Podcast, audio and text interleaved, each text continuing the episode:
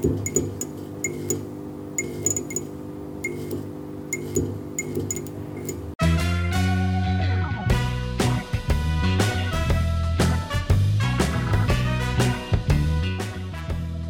Eden ini ada di Kanaan, itu seperti Tuhan ingin mendapatkan kembali atau mendirikan kembali kerajaannya.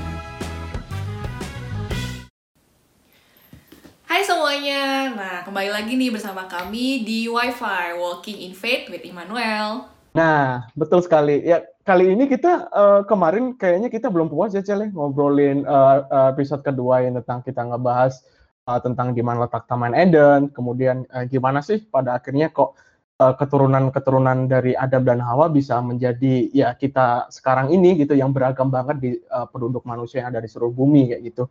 Nah, menurut aku kemarin pembahasan kita kebanyakan nih uh, tentang asumsi kita pribadi nih, misalnya dari Rahel karena dia sekolah biologi ya, dia nggak banyak banget gitu ngejelasin tentang misalnya evolusi segala macamnya. Terus kalau dari uh, aku kemarin sih uh, ya emang bukan hanya geografis, uh, ya coba nyari riset sedikit gitu, makanya uh, aku penasaran dengan uh, teori Pangea gitu, di mana itu ada super benua, benua gitu. Apakah itu mempengaruhi letak dari Taman Eden juga gitu. Nah kali ini aku pengen ngajak, uh, jadi uh, yang membantu kita kali ini juga tetap Rick Ruben. Jadi aku pengen ngajak juga uh, Rahel dan Rick juga untuk ngebahas uh, dari sudut pandang Bible sendiri gimana sih uh, dengan penjelasan-penjelasan asumsi kita yang di episode sebelumnya yang udah sempat kita diskusiin.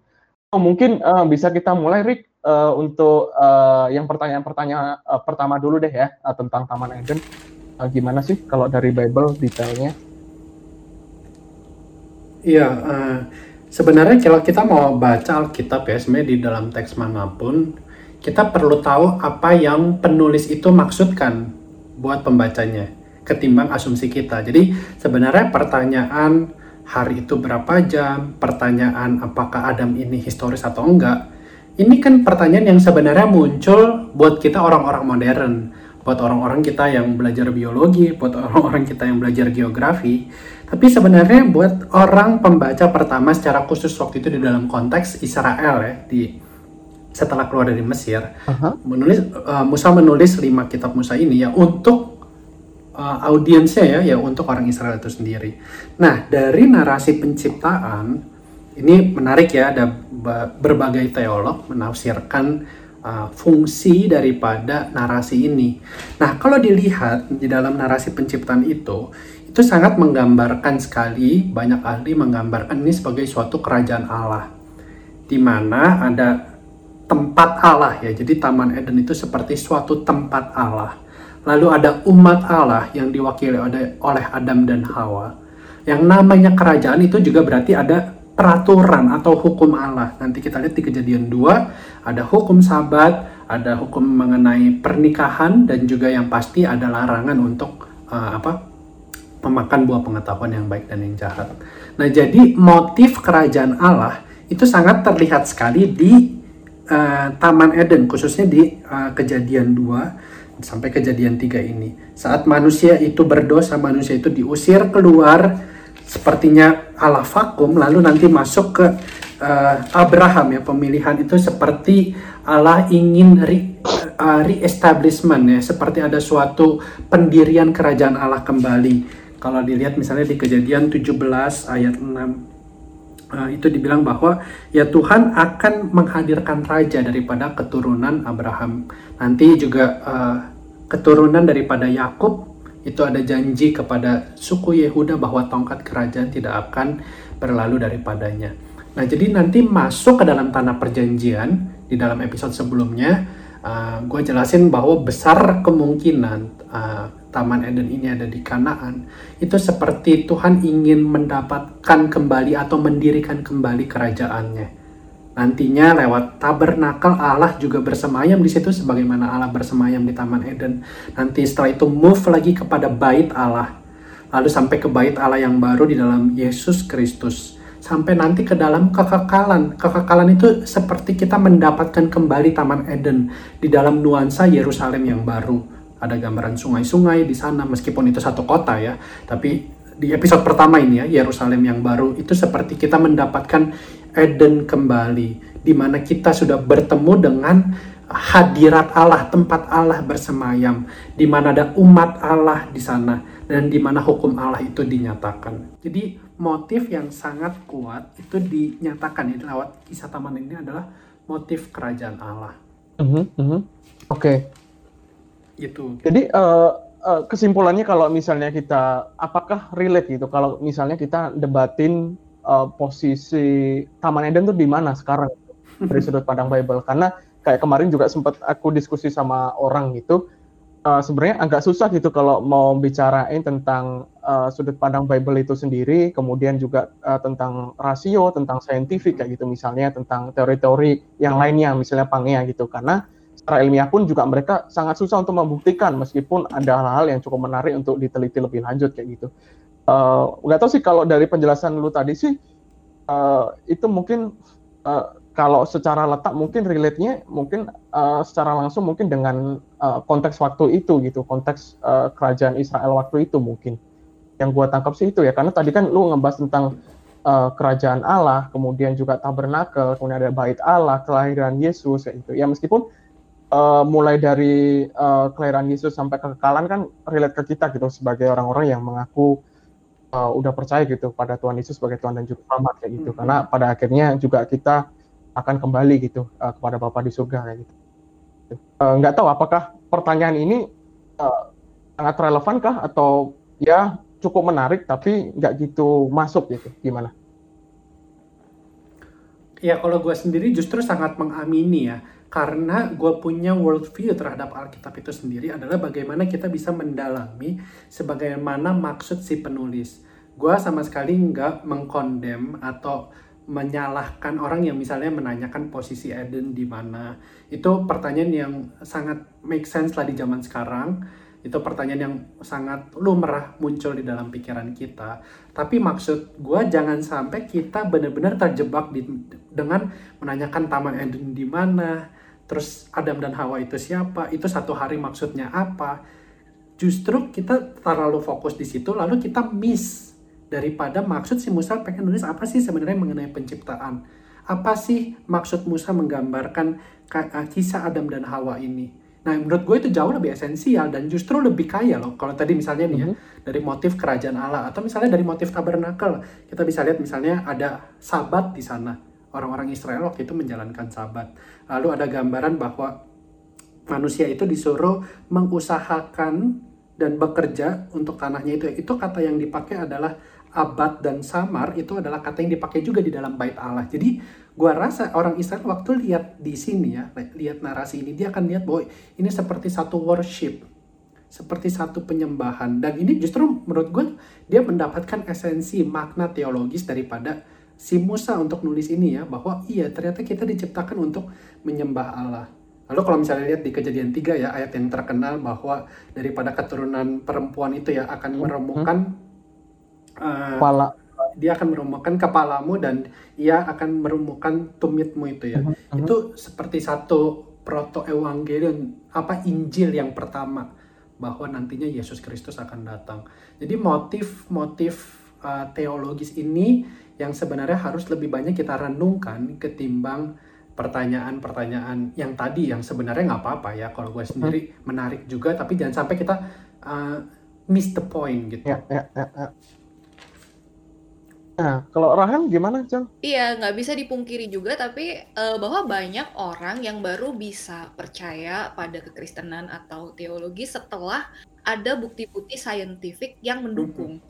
Bener nggak?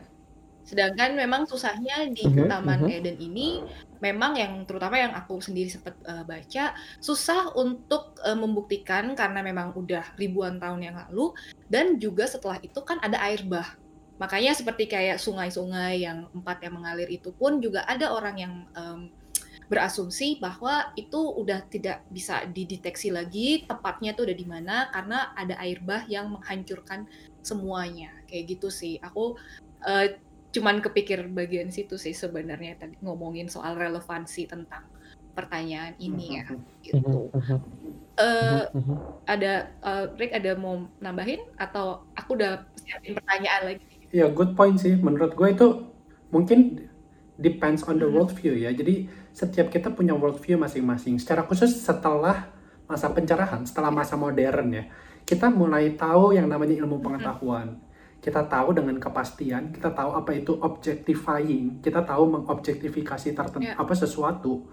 Kemajuan itu begitu pesat dan modern itu sangat membuat ilmu pengetahuan itu above everything, di atas segalanya. Jadi lu kalau mau nguji itu lo harus buktiin dengan uh, evidence, harus bukti dengan Ya. proven gitu, scientifically proven. Nah, gue ini ya maksud gue gue nggak menutup kemungkinan gue nggak banyak orang-orang yang dengan pendekatan seperti ini Tuhan menangkan gitu dan mereka bergumul dengan hal-hal uh, yang harus dibuktikan seperti kalau lu pernah nonton filmnya Lee Strobel Lee Strobel itu seorang uh, jurnalis jadi dia selalu ingin tahu apa yang apa apa yang bisa dibuktikan. Tapi kalau gue personally ya kalau gue sendiri gue ngelihat uh, biblical worldview uh, Alkitab punya worldview itu adalah Alkitab ini bukan buku modern, oke? Alkitab ini ditulis di dalam konteks tertentu, lebih banyak konteks timur, nah secara khusus di perjanjian lama, yang menekankan suatu cerita, gitu, menekankan suatu cerita, yang bagaimana cerita ini bisa membentuk cerita kehidupan orang Israel, nantinya pun akan membentuk cerita kehidupan kita sebagai Israel yang baru. Jadi nggak mesti ya uh, gue nggak bilang bahwa ini secara sejarah salah, ini nggak bisa dibuktikan nggak seperti pertemuan sebelumnya kan kita udah jelasin ya, secara sejarah pun make sense. Tapi maksudnya untuk pembuktian segala sesuatu dengan metode evidentials atau dengan bukti itu pun nggak konsisten pada dirinya sendiri. Maksudnya gini, segala sesuatu benar jika bisa dibuktikan. Perkataannya ini sendiri atau statement ini sendiri pun kan Hmm. nggak bisa dibuktikan gitu Ya, ya. ya kan? Statement ini sendiri pun kan suatu asumsi gitu. Maksudnya kita semua punya worldview gitu. Kita semua punya asumsi bahwa segala sesuatu yang dibuktikan itu benar. Tapi perkataan ini sendiri pun nggak bisa dibuktikan secara nyata, secara jelas. Nah nantinya pun kalau kita misalnya lihat miracles ya, kita lihat mujizat Tuhan, kita lihat juga sebenarnya banyak hal yang sulit dijelaskan mungkin secara uh, alam uh, apa ilmu pengetahuan alam dan menunjukkan bahwa sebenarnya uh, modernisasi nggak bisa sesombong itu untuk bisa menjelaskan segala sesuatu uh, proven secara objek objektif. Tapi tadi ya, gue nggak menutup kemungkinan buat teman-teman yang lebih tertarik kepada sains, Mhm. terhadap biologi. Banyak kali Tuhan menang, menangkan ya. Tuhan justru reveal dirinya lewat penelitian-penelitian sains. Banyak kok, gue juga seneng lihat banyak organisasi Kristen yang sangat menggeluti sekali di dalam bidang ilmu pengetahuan. Jadi ya ntar bisa japri lah kalau mau tanya-tanya website-website yang pendekatan approach-nya lewat sains. Itu pun menurut gue adalah wahyu umum yang Tuhan anugerahkan buat kita. Ya, ya. Ya, karena kita udah ngebahas juga eh, masalah tentang sains, kayaknya kita bisa relate juga nih dengan pertanyaan kedua di episode kita yang kemarin eh, tentang masalah keturunan. Kan Rahel juga sempat ngejelasin dikit tuh tentang mainungnya. Mungkin bisa di-refresh dikit, Cel. Eh, tentang keturunan yang ini ya dari Adam dan Iya, Hawa iya, segala macam ya. Eh ya refresh sedikit bahwa eh, sempat aku pertama itu pertanyaan dari aku muncul dari eh, Kain ya yang dari kejadian 4 ayat 14 gitu di mana Kain setelah men- eh, membunuh Ab- Habel dia ketakutan karena eh, banyak orang yang akan membunuh dia seakan-akan seperti itu. Nah, tapi sudah dijelaskan juga sama eh, Rick gitu bahwa ya memang Adam dan Hawa itu juga punya anak-anak lain selain dari eh, Adam eh dasar- selain dari eh, si Kain dan Habel kayak gitu. Cuman memang nggak semuanya dijelaskan dan pada zaman dahulu itu bisa yang namanya intermarriage atau incest itu ya sebenarnya. Dan Mhm. eh, secara eh, genetik itu eh, masih terbilangnya oke, nggak seperti sekarang karena zaman sekarang itu penyakit juga udah makin aneh. Cuman nih satu nih yang kemarin itu sempat kepikir, cuman eh, nggak sempat dipertanyakan.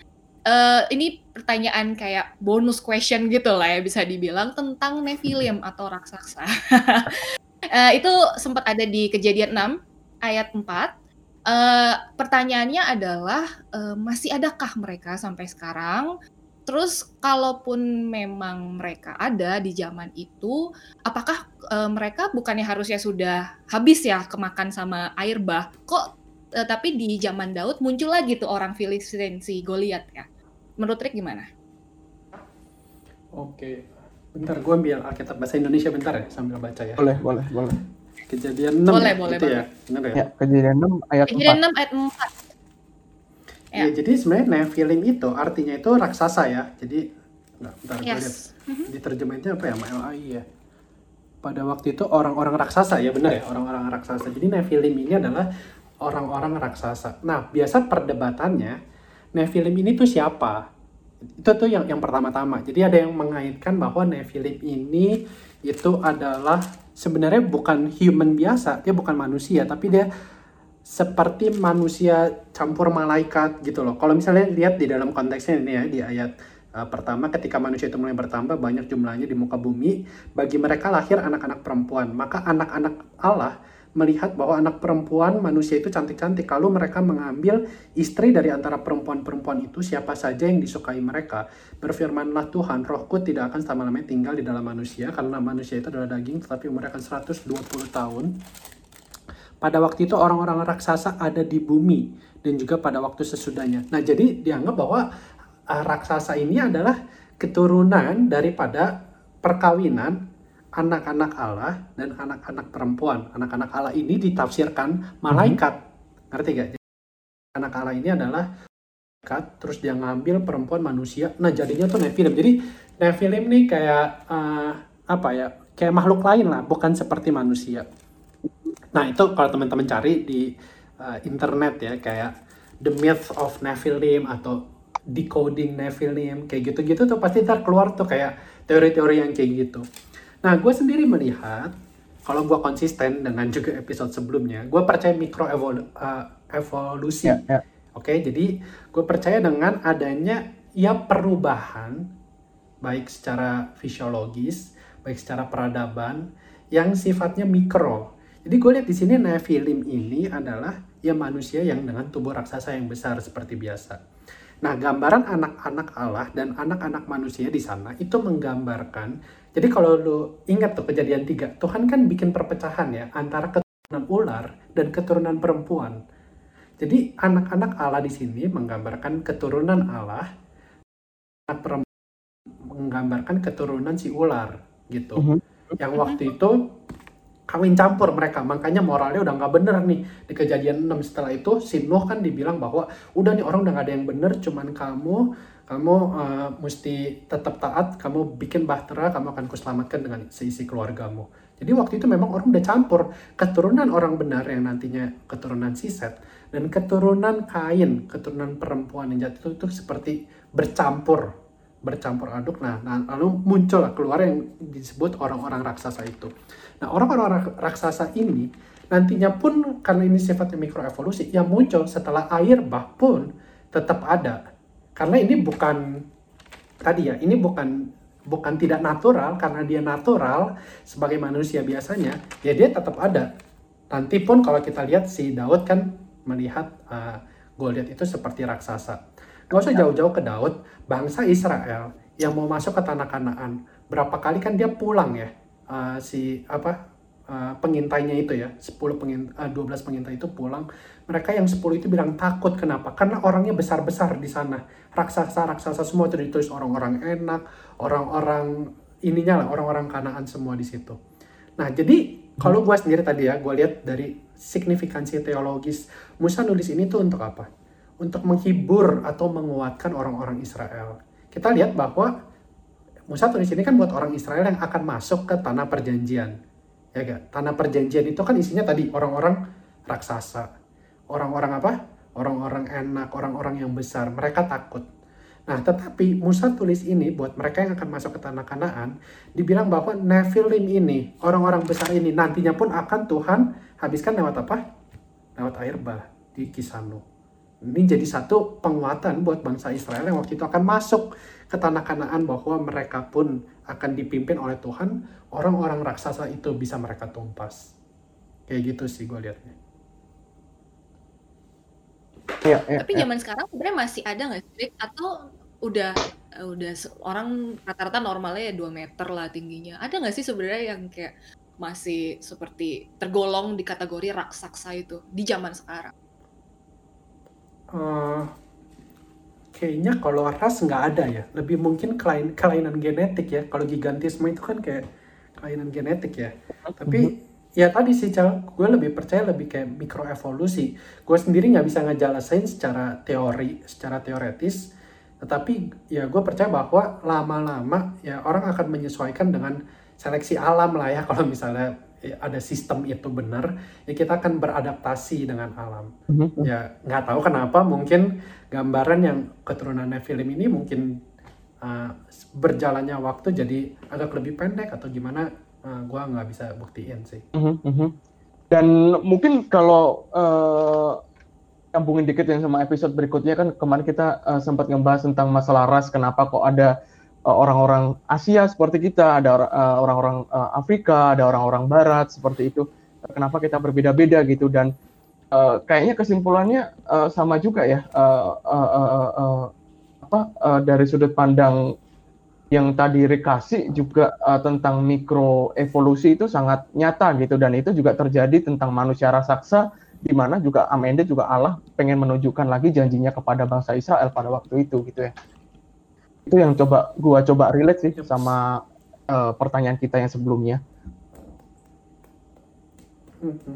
Ini sih kayaknya eh, untuk episode kali ini untuk eh, kita ngebahas nyambungin episode kita yang sebelumnya episode 2 gitu tentang eh, gimana letak Taman Eden kemudian kenapa eh, eh, keturunan Adam dan Hawa kok bisa sebanyak ini dan eh, bermacam-macam gitu eh, ras segala macamnya gitu kenapa kok ber- berbeda gitu.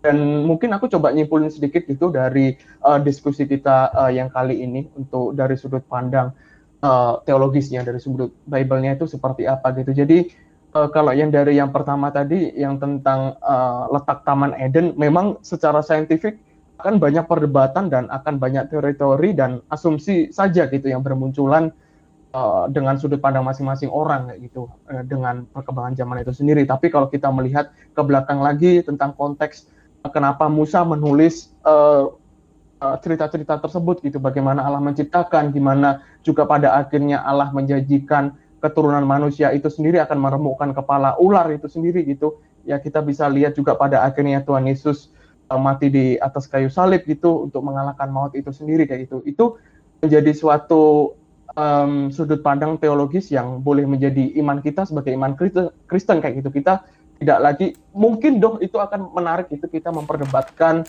uh, secara saintifik kayak gitu. Meskipun mereka sendiri para ilmuwan juga sangat susah untuk membuktikan uh, teori mereka itu sendiri. Tapi paling nggak dengan kita uh, dengan sudut pandang Bible itu sendiri dan konteks uh, kenapa Musa menulis itu sendiri uh, boleh menolong kita gitu untuk uh, kita lebih tahu gitu. Kenapa sih kok uh, letak uh, Taman Eden di sini? Kenapa kok keturunan uh, keturunan um, uh, siapa namanya uh, uh, uh, Adam dan Hawa dan uh, keturunan dari Nuh kok menjadi seperti ini gitu. Itu kita bisa relate sekali bahwa pada akhirnya juga uh, Allah pada akhirnya ingin menggenapi janjinya itu sendiri gitu uh, sesuai dengan uh, kehendak Allah pada mulanya Allah menciptakan bumi itu sendiri dan janji Allah kepada kita uh, umat-umat manusia. So, itu sih mungkin uh, konklusi yang pengen aku coba rangkum dari pembahasan kita hari ini. Semoga bisa jadi diskusi yang menarik buat saudara-saudari ataupun teman-teman yang mungkin masih penasaran dengan tema ini ataupun kalian punya pertanyaan-pertanyaan sangat gerne kalau kalian bisa tulis di kolom komentar ataupun tulis di direct uh, message di Instagram, di Facebook ataupun di YouTube uh, kalian bisa turut aktif untuk berpartisipasi dalam uh, obrolan kita saat ini. So terima kasih sekali lagi uh, terima kasih untuk Rick yang udah nggak uh, apa nggak nggak nggak capek-capek untuk bantu kita ngebahas pertanyaan kita. Ya nggak kapok-kapok ya dia ya muncul Iya di podcast kita sekali. dengan pertanyaan-pertanyanyaan yang seperti ini yang bisa menjatuhkan sekali. dia sebenarnya. Memang menjebak Tapi, kalian. Oh, mungkin ya, ya, tapi ya. dia nggak kapok-kapok ya. Jangan Bagus kapok lagi kalau gitu. kita undang lagi kalau kita ada pertanyaan lagi yang kontroversi. Doain lah biar gua nggak Yes. kapok lah. Oke oke oke. Oh eh, terima kasih. Oke. Kita mau tutup Deh. aja ya Cel ya untuk kali ini untuk pertemuan kita kali ini. Yes. Betul banget. Jangan lupa ya guys, kalau punya saran dan apa pun bisa tulis di kolom komen atau juga bisa DM kita melalui Instagram at FEG Manuel Berlin. So, sampai jumpa lagi di kesempatan berikutnya. Stay tune on Walk in Faith with Bye Immanuel. semuanya. Bye-bye. Thank you, bye. Oh.